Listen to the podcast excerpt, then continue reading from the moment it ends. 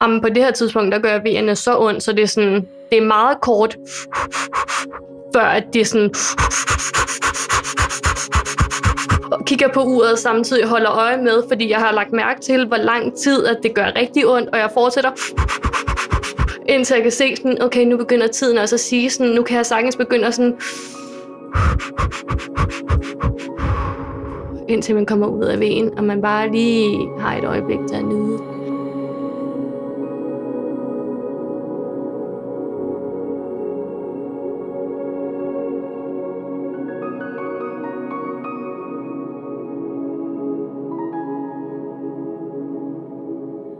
Velkommen til Smertefri Fødsels podcast. I dag så har jeg inviteret Anja Polin indenfor for at fortælle om fødslen af Marvin.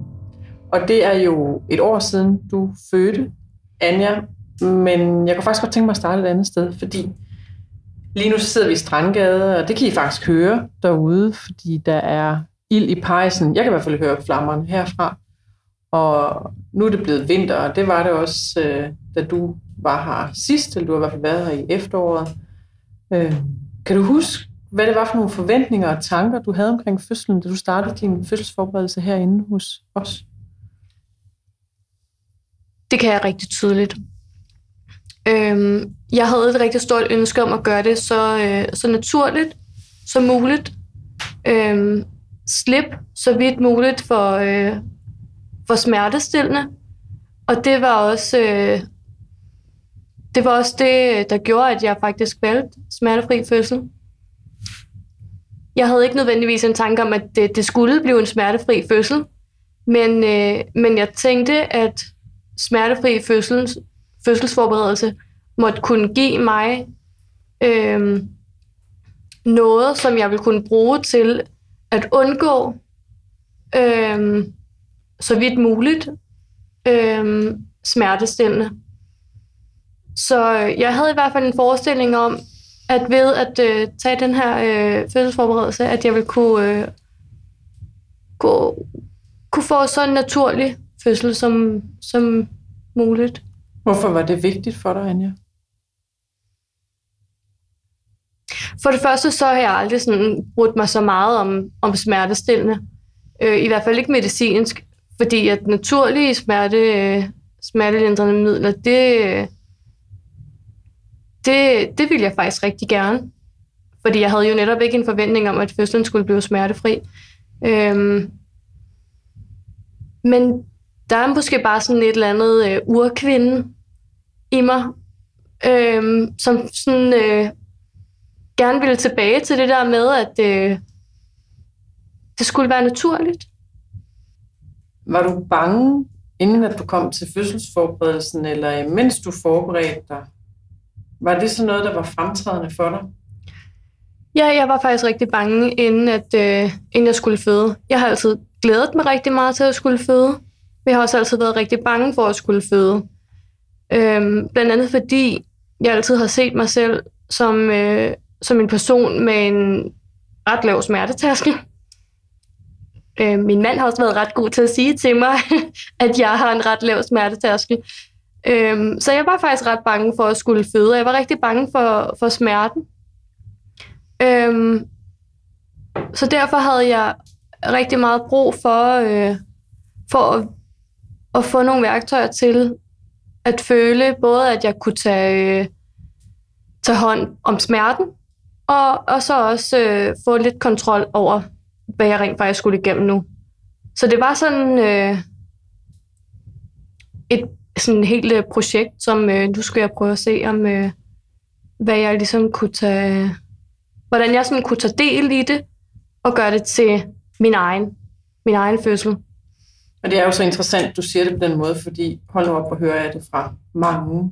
Og mange tror også, at de er alene om den der angst, der kan være fremtrædende inden. Øhm, såvel som når man kommer ind i forberedelsen, så den der oplevelse af, hov, der er noget, jeg selv kan gøre. Altså den pros, der ligesom falder for en, hvor fokus faktisk bliver anrettet et andet sted hen. I forhold til det, du tænkte, Anja, hvad var dit skrækscenarie? Var der et eller andet sådan særligt skrækscenarie, som du blev med at vende tilbage til? Jeg var rigtig bange for, at øh, beklager mit sprog, men at flække hele vejen om til rumpetten, som man har hørt som, som værende noget, som faktisk sådan skete for mange. Og så var jeg også bare jeg var rigtig bange for, at det her det skulle gøre rigtig, rigtig ondt. Jeg var simpelthen bange for, ja, jeg var jo nok bare sindssygt bange for smerten. Ikke, ikke at, altså, det der med at skulle udsættes for en smerte, som man har hørt damer beskrive som være fuldstændig overrumlende, og man ikke kan holde ud at være i, og vide, at det skulle jeg igennem, uden at vide, hvordan i alverden jeg skulle øh, jeg komme igennem det, uden sådan bare at læne mig tilbage og være til. Det, det, det føltes enormt ubehageligt. Hmm. Og hvordan var det så, da fødslen gik i gang? Hvad skete der? Jamen altså, jeg, jeg, jeg fik en hændeløsning en, øh, en morgen, og havde glædet mig rigtig meget til, at, øh, at nu skulle det altså, forhåbentlig ske så naturligt som muligt. Jeg var gået ret lang tid over, øhm, og var begyndt at blive rigtig bange for at skulle sættes i gang. Øhm, så vi prøvede med en hændeløsning, og efterhånden som dagen gik, der, øhm, der begyndte de her smerter, som ellers var kommet efter hændeløsningen, de begyndte at fortage sig, og jeg blev rigtig bange for, at øh, det ville gå i stå. Men jeg havde alligevel også en sådan forventning, og sådan nok i hvert fald et rigtig stort håb om, at det skulle, øh, at i dag der skulle det fødslen altså gå i gang. Så hen og eftermiddagen, da, da øhm, jeg havde sådan den her muren, der tænkte jeg, at øh, hvis jeg skulle føde i dag, så, øh, så skulle jeg altså have noget i bad inden. Så øh, jeg ligger hjemme på sofaen, og øh, synes lidt, at det hele lidt er gået lidt i stå, og tænker, nu skal jeg i bad, rejser mig, og i det øjeblik, jeg rejser mig, så kommer der bare ja, en smerte i mit underliv, som jeg ikke har oplevet før. Og jeg blev ret forskrækket, fordi det var jeg ikke forberedt på. Øhm, og var det en stærk V, der forårsagede den smerte, eller hvad var det ligesom, der skete, da du rejste op der? Jamen, det, det var faktisk nok den første V af, af bare en virkelig lang række V'er, der bare øh, kom derfra. Så klokken 15.30 en torsdag, den 13. februar 2020, der kom min første V. Og jeg var, jeg blev simpelthen så bange. Og så blev jeg så glad, fordi jeg bare tænkte, nu sker det. Og jeg skrev med det samme en sms til min storsøster om, at øh, nu sker det. Nu sker det. Og sådan skrev vi sammen hele dagen om, at nu skulle det ske, og jeg var så glad. Og så bange. Og så forventningsfuld. Og bare fyldt med følelser. Men jeg går så i bad. Og det øjeblik, jeg kommer under øh, det varme vand, så forsvandt det hele. Og jeg var næsten grædefærdig, fordi at øh, alle de der øh, forventninger og håb, det bare øh, fes ud af kroppen lige med det samme. Og så slukkede jeg vandet og gik i gang med at tørre mig. Og lige så snart jeg kom ud fra det varme vand, så kom det igen. Og så blev jeg bare lige glad igen, som jeg var blevet, øh, da det startede. Og derfra så havde jeg faktisk bare øh, vejer hver tredje, fjerde minut i rigtig mange timer efter. Og det var der, det startede. Hvor lang tid var det, Anja? Var det et halvt døgn? Var det et helt døgn, at du havde vejer hjemme, som du arbejdede med? Jamen, jeg havde løbende kontakt med, med fødemodtagelsen, øh, om ligesom at finde ud af, hvor, hvor var jeg rent faktisk henne i fødslen øh, i, på det her tidspunkt. Og vi blev enige om, at jeg skulle blive hjemme så lang tid som muligt. Øhm, også for ligesom at være i de vante, varme omgivelser, som jo skulle være rigtig godt i, i begyndelsen af fødslen. Så jeg blev faktisk hjemme helt ind til, øh, til at jeg øh, jamen, klokken halv tolv der tænkte jeg, nu kunne jeg ikke holde det ud længere. Nu tog jeg to smertestillende, og så ville jeg prøve at se, om jeg kunne nå at få lidt søvn, inden at, øh, jeg godt vidste, at øh, nu var det tid til at tage afsted. Og så gik vi i seng, og jeg nåede måske at sove en halv time, før jeg godt kunne mærke, at øh, det her det gjorde ondt. Og det gjorde også så ondt, så jeg jamrede, til jeg tænkte, at øh, jeg bliver nødt til at gå ind på, øh, på sofaen i stuen, sådan så Jonas i det mindste kan få, nå, få noget søvn. Hvor betænksomt. Og han fik lov til at sove, da jeg så havde været inde, øh, inde på sofaen, og jeg havde jamret i lang tid nok, at jeg ringede til fødemodtagelsen og sagde sådan, nu, nu tror jeg altså ikke, jeg kan trække den længere. Så gik jeg ind og vækkede Jonas klokken halv tre, og så sagde han, nu er det altså nu. Så fra klokken halv fire fra den første V, og så V'er hver tredje fire minut, til klokken halv tre om natten, hvor vi, vi kørte hjemmefra. Jeg tror, man vil være meget interesseret i, som særligt som førstegangsfødende, når du siger, Anja, at du, eller bruger udtrykket, at du jamrede. Øh, havde du stadigvæk en følelse af, at du håndterede vejerne, eller var i dem, eller var i din krop, eller var du sådan gået over i det der felt, hvor du begyndte at blive forpint, eller hvad skete der for dig øh, i forhold til smerteoplevelsen? Jamen, jeg følte faktisk allerede fra den første V, jeg, jeg ved, altså jeg blev forskrækket, og Mm. jeg blev overrasket Mm. over smerten, fordi jeg, det var faktisk ikke rigtigt, hvad jeg havde regnet med, men måske vidste jeg heller ikke rigtigt, hvad jeg havde regnet med. Øhm, men, men helt fra starten af, så var det sådan den der, uh, jamren, sådan, uh, det er ikke rart det her, Mm. men helt klart noget, jeg godt kunne være i. Og sådan var det faktisk i mange timer. Øhm, og det var faktisk først helt ind til, øh, ved måske til 11-tiden, at, øh, at det begyndte at nive tilpas meget til, at jeg sådan, tænkte, at øh, om jeg skulle begynde at bruge min vejrtrækning, som jeg jo havde lært på, øh, på smertefri fødselsforberedelsen. Øh, Og det er jo en interessant dobbeltbund at være i den der både, og okay, jeg kan mærke, at det her det er potentielt vildt ubehageligt, ikke? og så også være inde og håndtere det. Ikke? Så det er, ikke, du er, jo ikke- det er jo ikke stukket af sted med dig, kan man sige, men det er sådan hele tiden den der vekselvirkning imellem de to, som jeg tror rigtig mange kan genkende, der sidder og lytter med, som har født. Hvad sker der så, da I kommer ind på hospitalet? Eller i fødemodtagelsen? Altså for det første, så da vi turen derhen var redselsfuld. Hmm. Altså på det tidspunkt, der gjorde det, der gjorde det ondt. Og, og alle sådan, de mindste bump på turen, vi var redselsfulde. Det værste køretur, jeg nogensinde har oplevet. Og da vi kommer ind, til, da vi kommer ind på hospitalet på Hvidovre og skal ned ad den der lange gang, der tænkte jeg, at det ville jeg slet ikke kunne overleve. Og altså, jeg skulle bare vide, hvad jeg havde i vente.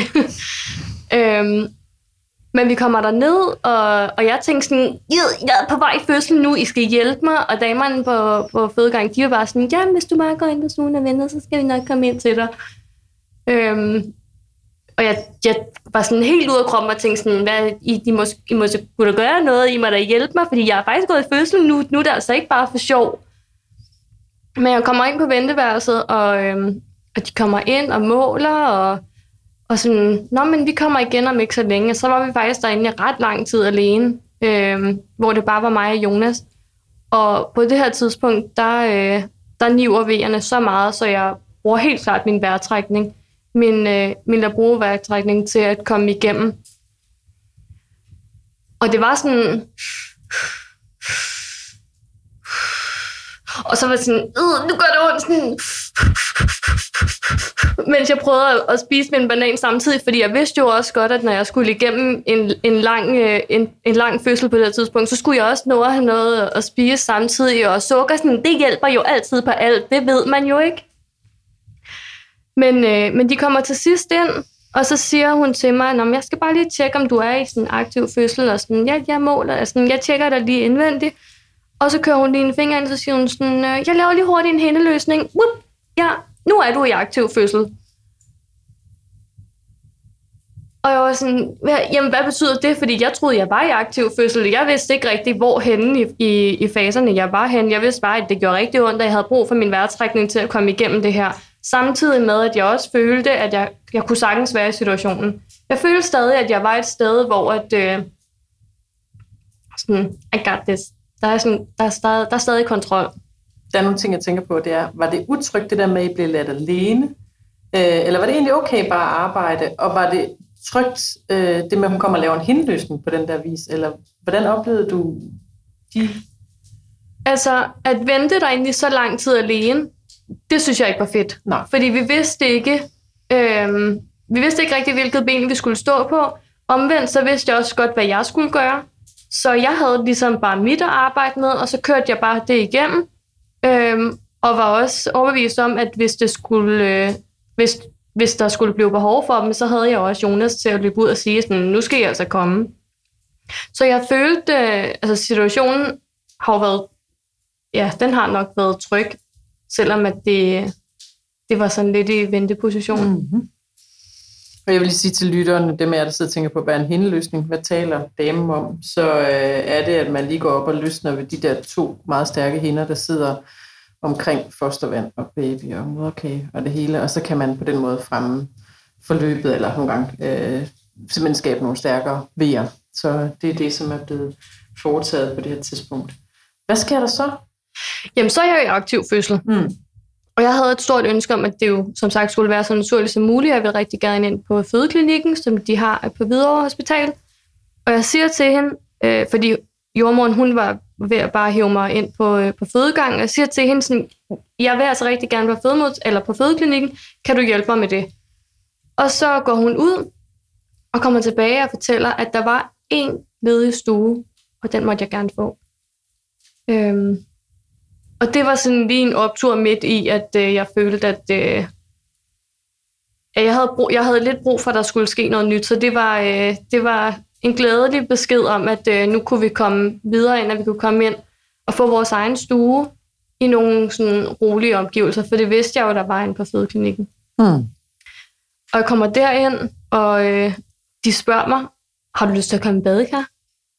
Og øh, jeg havde egentlig lidt en, en forestilling om, at jeg ikke skulle i badekar, men jeg vidste også fra bruserbadet for enden, at øh, jo, jeg skulle helt klart i badekar. Så det fyldte de, og så kom jeg ned i badekarret. Og så øh, på, på de hvide vægge rundt inde øh, på fødeklinikken, der tændte de sådan en, øh, en projektor, som viste et, øh, et billede af København, øh, et billede inden for søerne, hvor de sådan viser bygningerne øh, rundt om søerne derinde, og, og mennesker, der sådan gik på gaden, og bilerne, der kørte, øh, sammen med lyden derfra. Så det var sådan helt rolige omgivelser at komme ned og ligge i det der badekar, omgivet af Københavns, øh, Københavns gader og lydene derfra. Og så kunne jeg lige få en lille pause for vejerne, fordi det var altså også tiltrængt på det tidspunkt. Og det er jo en utrolig interessant oplysning, du kommer med der. Jeg troede kun, man kunne vælge sådan noget rev, skov og hav, øh, men det er jo faktisk tænkt lokalt med det der bysbillede, der har været på. Ja. Det er den ene ting, og til dem jeg der sidder og lytter med, hvor jeg tænker, det der fødeklinik, taler om, hvad er det? Og det er jo et tiltag, man har lavet på alle de større hospitaler her i København, hvor at man har ligesom sagt, okay, øh, alle behøver ikke komme på den højspecialiserede afdeling, hvis der er en forventet ukompliceret fødsel, så kan man komme ind i lidt mere hjemlige omgivelser, men som er tæt på den højspecialiserede afdeling. Og der er typisk to fødestuer øh, af fødeklinik karakter på hospitalerne. Så går du i pressefasen. Hvad sker der der? Kan du huske den overgang og tiden lige før det, og sådan hele det der område, som mange jo hæfter sig ved? Hvad skete der for dig der? Jamen, det var en, det var, øh, det var en lang proces, inden jeg nåede dertil. Øhm, fordi at mine vejer, de kom og gik lidt, som de havde lyst til, specielt fordi at hver gang jeg kom i vand, så forsvandt de lidt, men det var altså også tiltrængt indimellem. Og i øvrigt så, øh, så klokken 8 om morgenen, der havde, øh, der havde det stået i, i stampe i fire timer uden nogen udvikling. Så der tog de vandet på mig. Øhm, som også, øh, altså de der hjælpemidler, de begyndte at bruge der, det var sådan lidt uden for mine forventninger til fødslen. Øhm, men som var helt okay, fordi på det tidspunkt, der havde jeg virkelig brug for, at der skulle ske noget nyt. Jeg havde brug for at komme videre, og jeg havde brug for ligesom at vide, at, øh, at det hele var okay, at det forløb lidt som det skulle. Og, Hvad var det for hjælpemidler? Jamen altså, blandt andet så tog de jo mit vand. Øhm, og, og da jeg kommer længere hen sådan op ad dagen, og jeg virkelig har ondt, øhm, og jeg til sidst øh, græder, mens at jeg bruger min laborovejrtrækning hele tiden hen over vejerne. Hvordan lyder den på det her tidspunkt, Anja? Jamen, på det her tidspunkt, der gør vejerne så ondt, så det er, sådan, det er meget kort, før at det er sådan kigger på uret og samtidig holder øje med, fordi jeg har lagt mærke til, hvor lang tid at det gør rigtig ondt, og jeg fortsætter indtil jeg kan se sådan, okay, nu begynder tiden også at sige sådan, nu kan jeg sagtens begynde at sådan, indtil man kommer ud af vejen, og man bare lige har et øjeblik til at nyde. Ej, der fik vi alle sammen lige en del.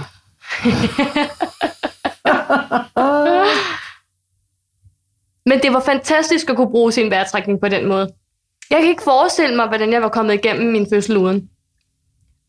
Og som det sådan eneste værktøj, der sådan virkelig gav mig noget, for jeg var hele tiden med i, sådan, nu kommer der en V, jeg ved, hvad jeg skal gøre. indtil at den er overstået, og jeg kan holde ud at være i det igen. Så der var ikke på noget tidspunkt, hvor at jeg sådan var, jo, der var, altså, hvor det gjorde rigtig ondt hen eftermiddagen, som jeg skulle til at sige før, hvor jeg på et tidspunkt lidt grædende siger til jordmoren, sådan, det der epidural, kan du ikke hjælpe mig med det nu, fordi sådan, jeg, jeg kan ikke holde ud at være i det længere. Nu var det også, vi var kommet, altså jeg havde været i fødsel i lang tid på det tidspunkt, og hun siger til mig sådan, Anja, det har du altså ikke lyst til. Det var ikke, det var ikke, øh, det var ikke den forestilling, du havde. Er du sikker på, at vi ikke skal prøve noget andet? På det tidspunkt havde jeg øvrigt også, altså jeg havde fået hjælp til vandafgang. De havde prøvet akupunktur, og de havde øh, givet mig lidt reboso, og vi havde brugt rigtig meget bevægelse, som i øvrigt også hjalp mig rigtig meget. Øhm, så siger hun sådan, hvad, hvad med TENS? Har du hørt om TENS før? Og jeg vidste godt, ligesom, det havde jeg hørt om før. Sådan, lad mig prøve det, fordi ja, der skulle ske noget nyt. Og så prøvede jeg TENS, og så var det bare, ja, det var genialt. Hvor er det utroligt, du siger det, fordi jeg har aldrig talt med en person, der synes, det var genialt. Så det er jo fantastisk, du siger det. Og til dem af jer, der sidder og lytter med, så tænder sig sådan et lille strømapparat, man kan sætte på bunden af rygsøjlen, og så sender det et strømsignal op til hjernen. Og det er jo altså ikke et elefanthegn, man sætter på, det kan man hurtigt få en forestilling om. Det er øh, det, vi arbejder med under tyre i undervisningen. Du optager en opmærksomhedskapacitet op i øverste etage, og så er du mere tilbøjelig til at fokusere på den end på smerten. Ikke? Men det oplever du simpelthen som smertehåndterende. Fuldstændig. Altså, jeg vil anbefale det til alle at prøve det. Og det kan også godt være, at andre ikke synes, det er fedt, men prøv det. Prøv det, hvis I når til et punkt, hvor at, øh, I har brug for, for kontrollen. Øhm, Styrer du selv apparatet, eller hvad? Ja, lige præcis. Mm. Tændsene blev nemlig ikke kun sat på min lænd, det blev også sat foran. Mm. Øhm, og det betød, at lige så snart V'en kom, så kunne jeg skrue op for den, bare lige på første niveau, sådan så der, hvor jeg bare stille og roligt, mm-hmm. der var tændsen på sådan det laveste niveau. I det øjeblik, hvor at, øh, at V'en sådan var på sit højeste, der kunne jeg skrue helt op for den, sådan så det var, at jeg arbejdede med min vejrtrækning virkelig hurtigt, samtidig med, at apparatet også kørte virkelig hurtigt, så det bare sådan øh, bippede der ud af. Så jeg følte virkelig, at jeg havde kontrol over det, i stedet for bare sådan... Øh, Ja, det kontrollerede dig i virkeligheden. Ja, ja, ja det giver så jeg mening. følte, at jeg havde flere hjælpemidler til, øh, til ligesom at kunne holde ud at være i situationen. Og så til pressefasen. Hvad sker Ja. der der? Øhm, på et tidspunkt, så, øh, så måler de på min mave, at de kan se, at, øh, at Marvins øh, hjertelyd, den daler.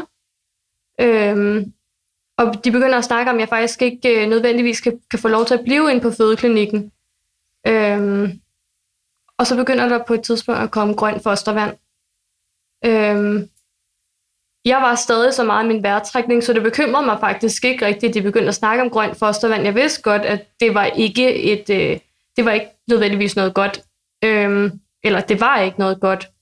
Øh, og det skulle der selvfølgelig tages hånd om, men jeg følte lidt, at jeg var i, i hænder, hvor at jeg kunne tage mig af vejerne med min vejrtrækning, og så kunne de andre, ligesom eksperterne, tage sig af, af det andet.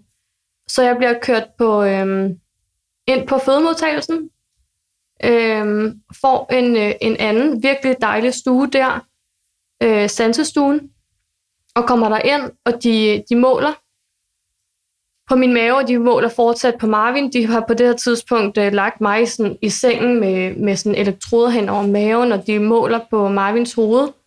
Øhm, og ret hurtigt efter vi kommer der ind øh, ved firetiden, der siger de til mig, at øh, vi skal faktisk i gang med pressefasen nu. Og jeg kan huske, at jeg, øh, jeg gik lidt i panik, fordi jeg havde, jeg havde på det tidspunkt slet ikke lyst til at presse. Øh, jeg havde slet ikke den der pressetrang. Jeg havde stadig lyst til, hver gang der kom øh, en væsen, at trække vejret hen over den, så jeg ikke sådan skulle gå ned i kroppen. Øhm, men, øh, men de siger til sidst til mig, at øh, sådan, det, det er vigtigt, at vi kommer i gang med at presse nu. Og jeg går, jeg går stille og roligt i gang, og kan godt mærke til at starte med, at jeg kan ikke rigtig finde ud af det, fordi det der med, som jeg lige sagde med, at skulle, skulle presse i stedet for sådan at trække vejret hen over den, det, det skulle jeg lige vende mig til. Jeg siger også til jordmånden sådan, det kan jeg ikke finde ud af det her. Jeg, havde ikke, jeg, kan, ikke, jeg kan, ikke, øh, jeg kan ikke presse, jeg, har, jeg bliver nødt til at trække vejret henover. Og hun siger mig sådan, ja, men Anna, det er altså bare ligesom, at øh, nu skal du presse til, når du sidder på toilettet, og det skal du bare stille og roligt gå i gang med og jeg prøver, jeg kan godt mærke, sådan, det, fun- det fungerer ikke rigtigt for mig. Øhm, og hun siger til mig på et tidspunkt, øh, du, skal huske, du skal huske at se det som en stempelkande. og det havde, det havde jeg fuldstændig glemt på det her tidspunkt, for jeg havde bare været så meget i min vejrtrækning, og sådan, sådan, det var det, jeg skulle huske. Men dog jo, stempelkanden. Øhm, mig og Jonas, vi havde også stillet os op i en, øh, en position, som vi faktisk havde øvet hjemmefra, netop som vi var blevet undervist i her på føds, øh, fødselsforberedelsen. Øhm, og jeg prøvede, og sådan, det fungerede ikke rigtigt. Jeg må lidt finde en, en position, som virker. Men når jeg først kommer i tanke om den der stempelkande, og bare presser, så var hun bare sådan, ja, det er fedt, Anja, sådan, der sker noget, det går hurtigt nu. Men samtidig under pressefasen, der løber de også frem og tilbage hele tiden, måler på Marvin, og, og på et tidspunkt, så siger de, at øh, nu er det faktisk ved at være så kritisk, så hvis ikke, at jeg, øh, hvis ikke jeg får, får øh, presset Marvin ud, så, øh, så bliver de nødt til at tage ham med, øh, med sugekop. Og så siger jordmoren, Anne, det kan du godt.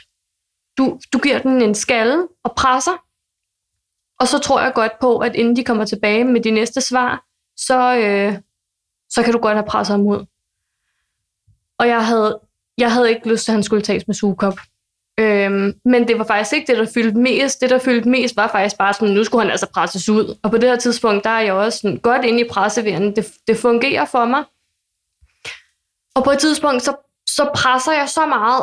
Og, sådan, og så kommer jeg til at åbne min mund, så jeg sådan brøler ud, og jeg kunne godt mærke sådan, det, nej, og hun siger også med det samme sådan, det skal du ikke, sådan, hold vejrtrækningen, sådan, hold den.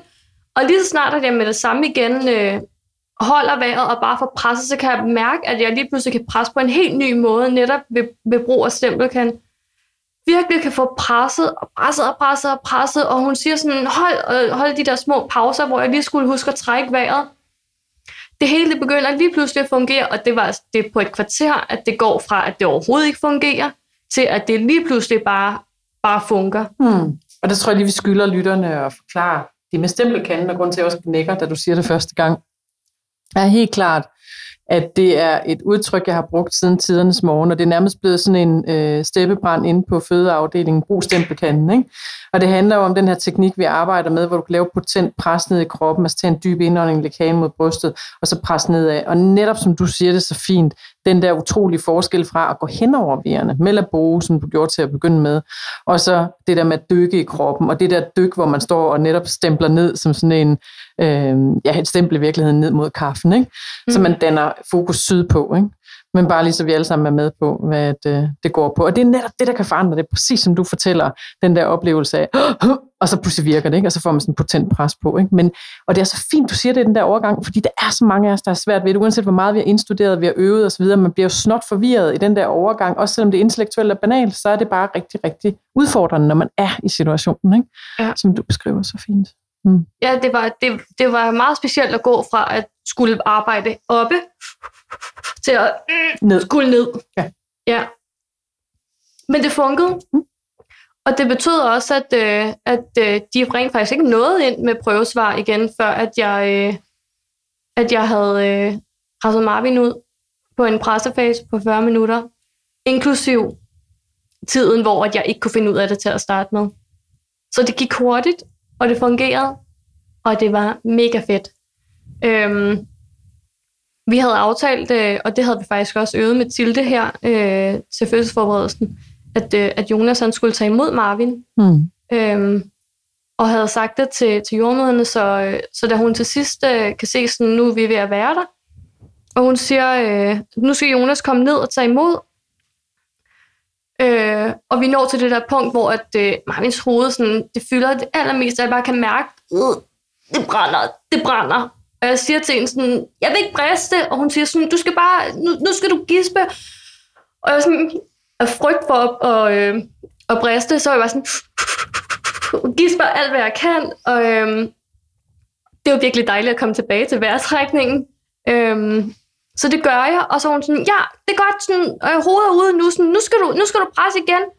Og jeg nåede jo nærmest ikke at presse, før at, øh, at så var resten af kroppen ude, fordi det var jo bare det der hoved, der lige skulle ud, og så, øh, så arbejdede kroppen nærmest bare øh, for resten selv. Hmm.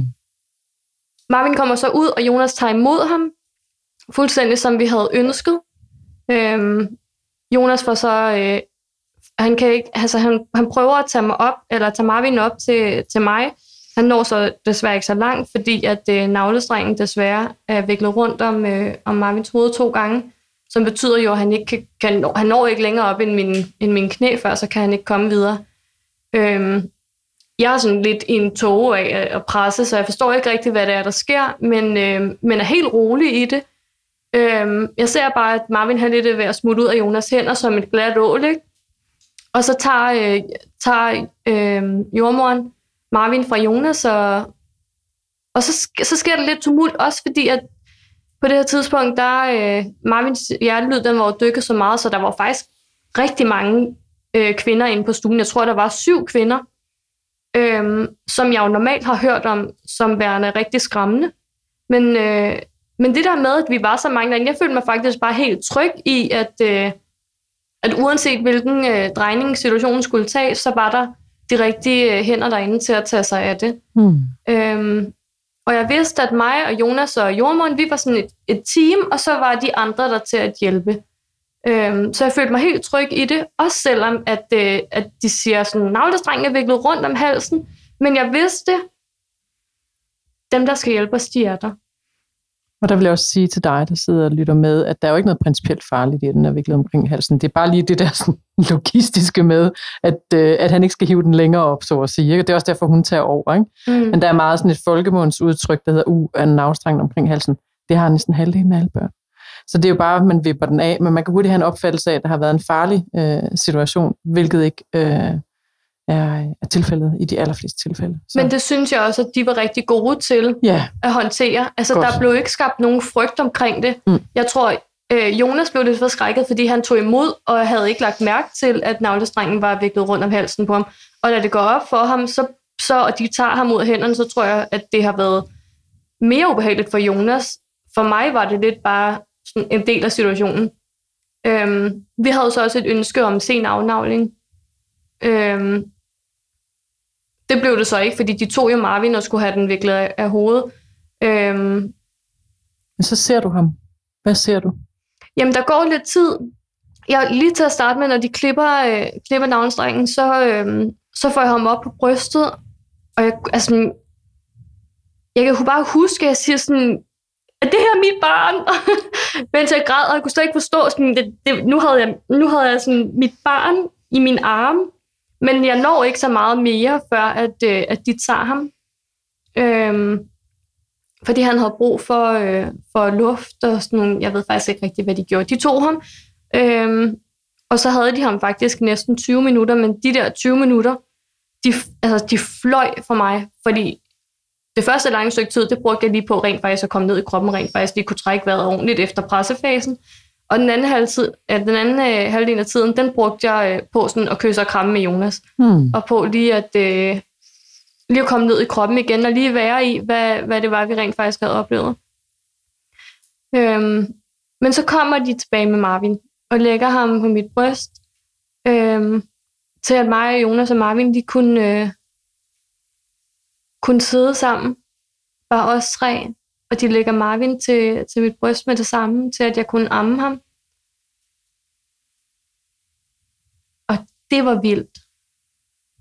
Altså fordi sådan, altså sådan, det der med, at brystet lige pludselig skal bruges til, til, til at amme, altså jeg har jo altid haft mine bryster, eller hvor jeg var teenager i hvert fald, til at, sådan, at de lige pludselig havde sådan en rigtig funktion, at nu skulle jeg lige pludselig sådan bruge dem til at made mit barn. Det, øh, det, var, helt, det var helt syret. Og sådan kigge til venstre, hvor Jonas var, og kigge ned, og der, der lå mit, mit, mit, mit barn og ammede. Det, øh, ja, men det øh, selv 12 måneder efter, så kigger jeg jo stadig ned, når vi ammer, og kigger på mig og tænker sådan, tænk at mine bryster, de kan bruges til at give, at give dig mad, og give dig tryghed, og bare, bare lige kun være dig og mig. Hmm. Ja. Kæmpe tillykke, Anja. Og en sidste ting, jeg rigtig gerne vil spørge dig om, og det var egentlig, fordi vi tog afsæt i, at du var meget bange for at skulle føde, inden at du gik ind til fødslen. Og så er det klart, der sker nogle ting under forberedelsen, og du oplever det, som vi lige har hørt om.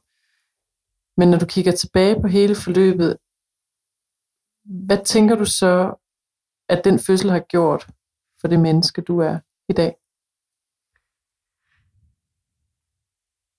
Fødslen tog jo nogle, nogle drejninger, som jeg slet ikke var forberedt på. Og jeg havde ligesom et billede af, at øh, der var en rigtig god fødsel, og det var den, øh, det var den vej, det skulle gå nedad. Og det gjorde det jo ikke. Der var jo mange ting hele tiden, som påvirkede situationen til, at fødslen faktisk ikke blev præcis, som jeg havde regnet med. Men fødslen var den bedste fødsel for mig.